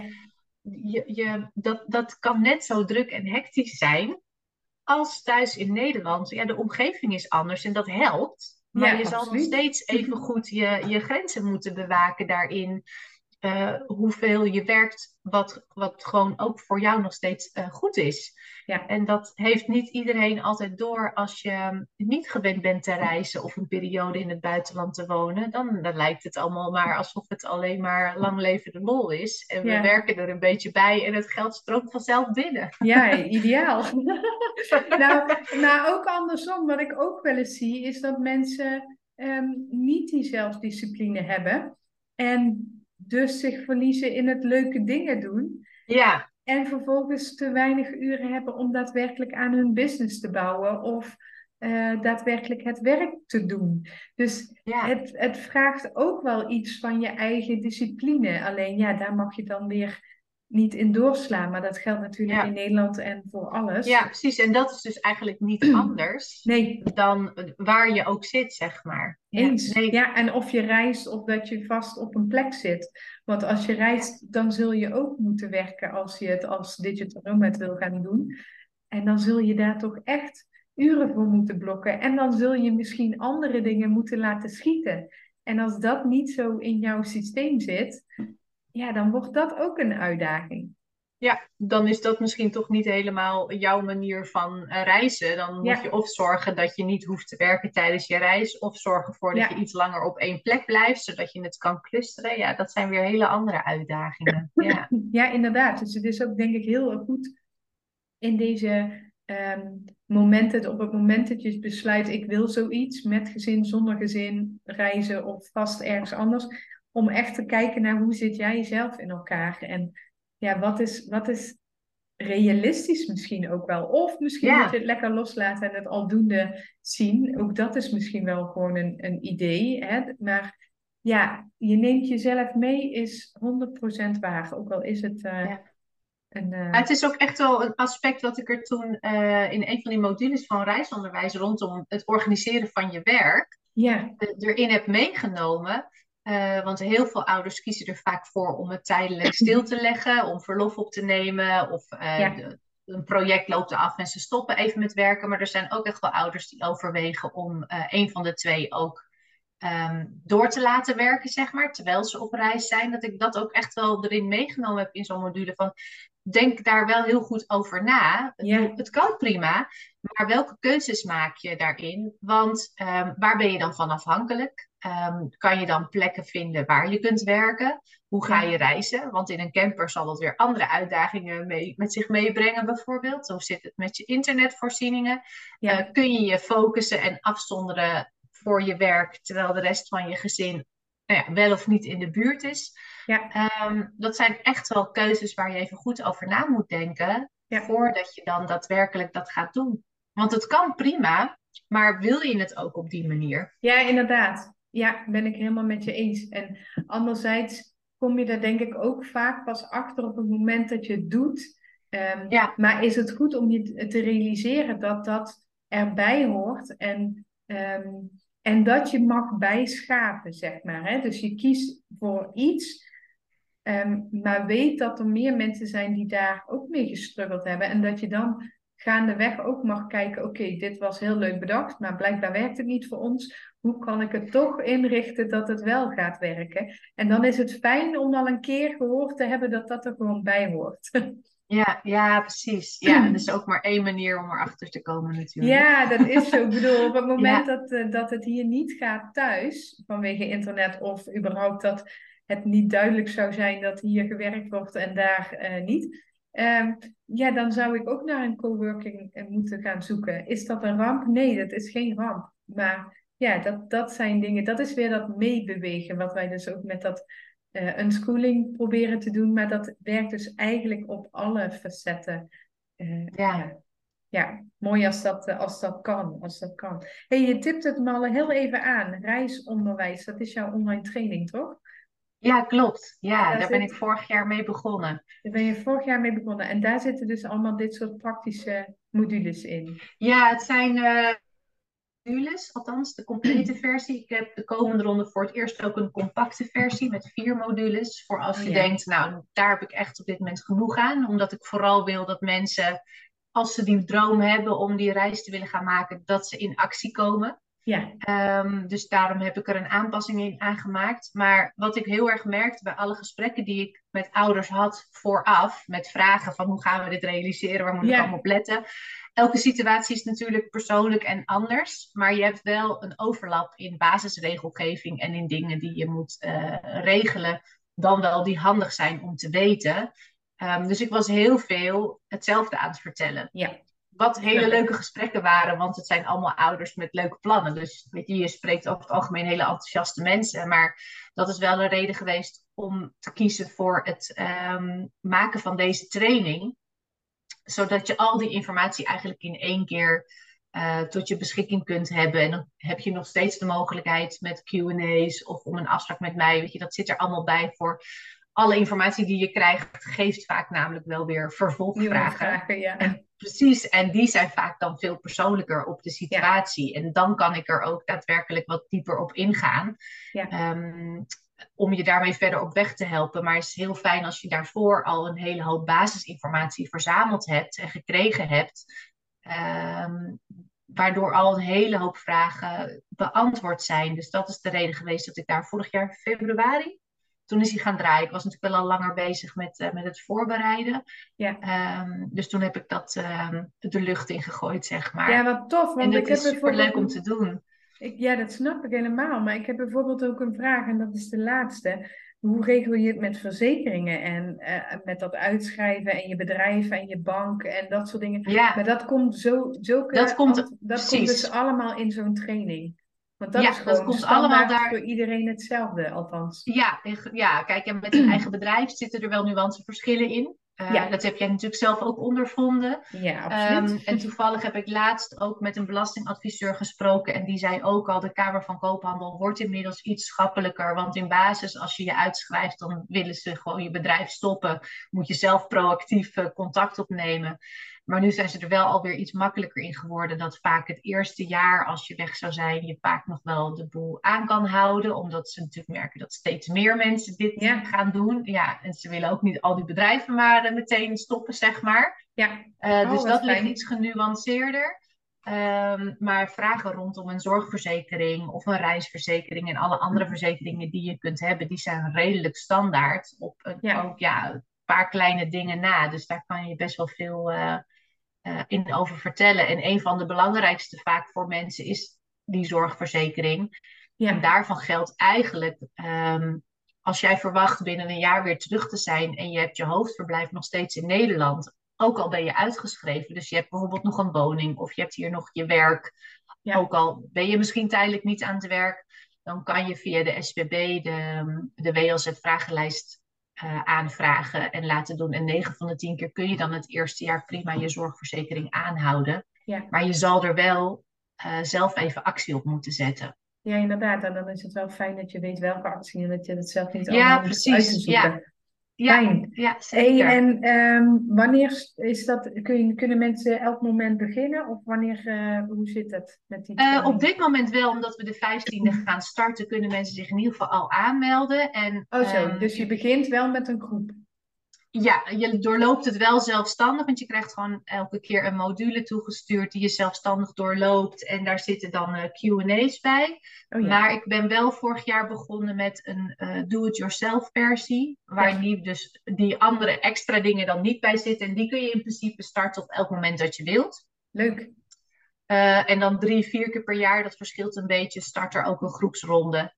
En ik heb bijvoorbeeld vorig jaar iemand gehad die was eerst uh, zelf begonnen en die zei: Ik wil eigenlijk toch nog aanhaken later met een groep. Weet je wel? Ja. Nou, ik zeg: joh, dan verrekenen we gewoon die investering. Want die wilde gewoon heel graag ook die QA's met andere ja. mensen en horen waar zij mee bezig zijn. Dat geeft toch een ander soort verbinding. En ja, iedereen heeft weer andere ik. vragen waar je wat wel uithaalt. En uh, dus er zijn verschillende mogelijkheden voor. En uh, heel veel zin om weer. Uh, ja, ik ben heel benieuwd, want ik heb nu wel weer tien gezinnen die willen starten volgende week. En, eh, waarvan er drie met de compacte versie aan de slag gaan en de andere met het, met het volledige pakket. En uh, ja, sommige heb ik al contact mee gehad en andere die zijn via via ineens dat ik denk, oh, waar kom jij ineens vandaan? ik ben heel benieuwd om ze allemaal volgende week even uh, online te zien en wat hun verhaal is en hun plannen zijn. En ja. uh, dat is altijd heel leuk om te horen. Ja, dat kan ik me helemaal voorstellen. Begint het dan niet weer bij jou zelf te kriebelen? Ja, ja, ja, dat is eigenlijk altijd. Het is ook voor mij wel een manier om ook onze eigen reis op die manier ja, voor mezelf wel levend te houden. Levend, en ja. we hebben ook wel plannen om weer te gaan, uh, maar zijn het nog niet concreet aan het plannen. Maar we willen wel graag binnen nu een anderhalf jaar eigenlijk wel weer vertrekken. Um, het vraagt nu gewoon een wat andere voorbereiding. Um, enerzijds gewoon doordat de jongens daarin een andere rol zullen krijgen qua betrokkenheid. Ja. Uh, wanneer we gaan en waarheen we gaan, dat wordt voor hun natuurlijk ook wel een belangrijker uh, gedeelte van, van het proces, wat alleen maar heel logisch is. Ja. En het hele scholingsstuk zal anders worden nu ze in de middelbare school zitten. Um, omdat ik denk dat, je, dat het best een uitdaging is, wil je zo'n volledig pakket voortzetten. Terwijl je op, ik zou zeggen, doe een tussenjaar. Ja, ja, inderdaad. Ja. Uh, maar dat is ook iets waar zij natuurlijk zelf een keuze in hebben. Ja. Eh, dus dat, dat vraagt weer hele andere uitdagingen. Maar het is zeker zo door elke keer met, uh, met ouders in gesprek te zijn, dat dat, uh, ja, je, je blijft een beetje op reis, zeg maar. Lekker, lijkt me heel fijn. Ja, ik heb nog één vraag ja. ook over. Um, wat betekent een droomleven voor jou dan wel leef je nu je droomleven? dat is een mooie afsluiter. ja, um, toch? Ja, absoluut. Een droomleven voor mij betekent dat wij uh, als gezin samenleven. En dat was dat samen stukje, dat was voor ons een van die grootste ja, waarden misschien wel. Um, om het te vergelijken met ons leven in Nederland, dat je s ochtends om uh, half zeven de deur uit bent en een kwartier daarvoor bent opgestaan. Tenminste, zo zag het bij mij eruit. Dat je snel, snel iets regelt voor ontbijt, uh, in de file staat en s'avonds om zeven uur terug bent. En dat was nog zonder kind. En dan uitgeteld op de bank ploft. En dan daarnaast nog allerlei uh, sport- en sociale activiteiten moet gaan plannen. Um, versus 24 uur per dag bij elkaar zijn, samen dingen beslissen, samen leven, eh, samen groeien ook vooral in allerlei opzichten. En dat past bij ons. En dat is ons droomleven en dat is waar wij heel erg naar uitkeken. En ik weet ook dat na de wereldreis, eh, de eerste dag dat ik weer naar het werk ging, ik heb er echt moeten huilen eh, omdat ik mijn vriend miste. En dat mensen mij echt aankeken alsof ik helemaal gestoord was. En ik kreeg ook alleen maar te horen van wat heb je elkaar nog te zeggen als je 24 uur per dag bij elkaar bent. En uh, ja, hoe saai en hoe doe je dat en heb je niet de hele tijd ruzie. En dat is bij ons niet het geval. Wij vinden niks prettigers en fijners dan samen zijn. En dat wil niet zeggen dat we nooit ruzie hebben. Dat wil niet zeggen dat we geen uitdaging hebben. Maar dit is zoals wij het leven willen leven. En met de komst van het kind werd dat eigenlijk alleen nog maar meer duidelijk. En dat is ons droomleven. Dus leef ik mijn droomleven? Ja, absoluut. Ik, uh, ja, ik vind het af en toe nog onwerkelijk om te zeggen, maar wij hebben een prachtig huis met uitzicht op zee, op Nusa Penida. Uh, elke dag de zonsopkomst voor ons huis. Uh, waar, waar ik elke dag vanuit de hangmat naar kijk om kwart over zes ochtends. We lopen en leven op blote voeten. We voelen ons vrij. We kunnen doen en laten wat we willen ik ben heel, heel dankbaar en heel blij dat we het aangedurfd hebben. Want dat was natuurlijk niet vanzelfsprekend. Ja. Um, ja. Maar ja, ik, ik leef dit moment mijn droomleven. En natuurlijk hebben we nieuwe dromen. En natuurlijk mogen er, mag er meer geld binnenkomen, zodat we nog vaker op bezoek naar onze familie kunnen. Um, nee, grapje. Althans, hè, natuurlijk is, uh, is zijn ticketprijzen nu hoger dan ooit. Dus dat zijn ook weer uitdagingen. Maar Um, het, is, het is precies wat we vijf jaar geleden hadden bedacht dat we graag zouden willen. Ja, dat is fijn. Ja, daar ben ik uh, elke dag ontzettend dankbaar voor. En hebben jullie zelf gedaan, hè? Ja, ook dat uh, realiseer ik me heel erg. En daar geven we ons uh, zonder op te scheppen of wat dan ook, maar toch geven we ons daar zelf een schouderklopje voor regelmatig. Omdat we wij weten hoe moeilijk het was om los te breken uit ons oude leven. En het uh, lijkt misschien van de buitenkant allemaal als vanzelf. En je krijgt heel vaak te horen: ja, maar jullie kind was nog niet leerplichtig. Of ja, maar jullie ouders zijn nog allemaal gezond. Of uh, nou ja, ja, maar dit, ja, maar dat. Um, ja, maar wij hadden ook onze uitdagingen. En ja, maar het was voor ons zeker niet makkelijk. En ik ben van mening dat iedereen. Um, dusdanig de uitdagingen op zijn weg heeft. Dat, je, dat, dat er eigenlijk een soort van natuurlijke selectie wordt gemaakt van mensen die daadwerkelijk doen. En mensen die ehm, afhaken. Ehm, wat ook helemaal prima is. Maar het was niet makkelijk en we hebben het toch gedaan. En ehm, ik heb het gevoel dat we daarvoor beloond worden op dit moment. Ja, mooi. Ja. En fijn ook dat het zo kan. Ja, absoluut. En dat, uh, ja, dat is uh, heel bijzonder. Ja, volgens mij hebben we echt heel veel met elkaar besproken, waar mensen echt heel veel informatie uit kunnen halen. Ja, ik denk dat het een podcast is. Uh, ja, ik denk dat het een podcast is wat je misschien wel in twee keer moet luisteren.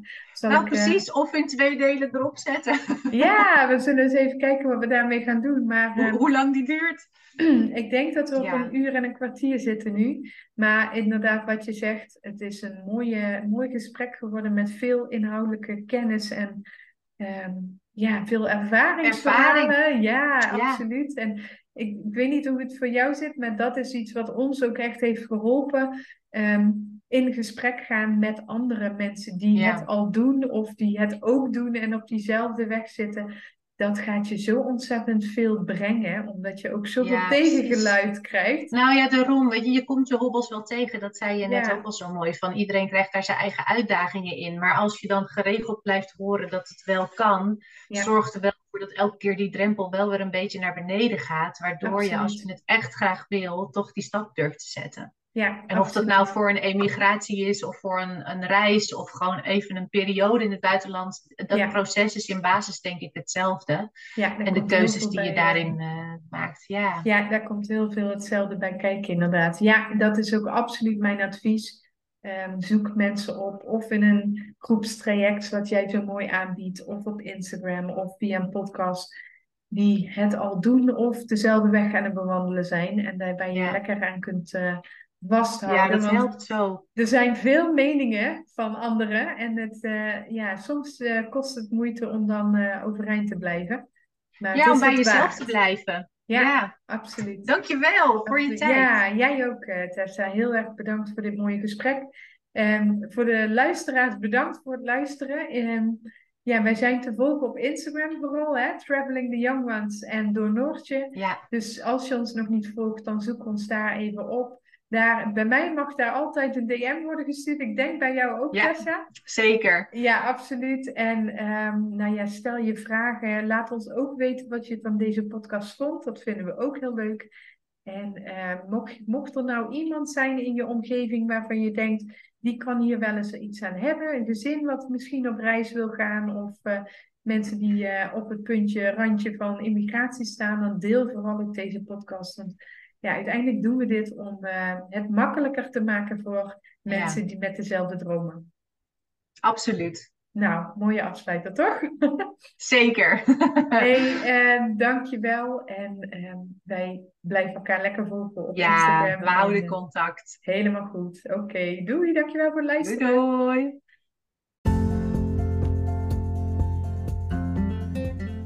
Dank je wel voor het luisteren. Ik waardeer het echt enorm dat je elke keer de moeite neemt om te luisteren naar de podcast van Traveling the Young Ones.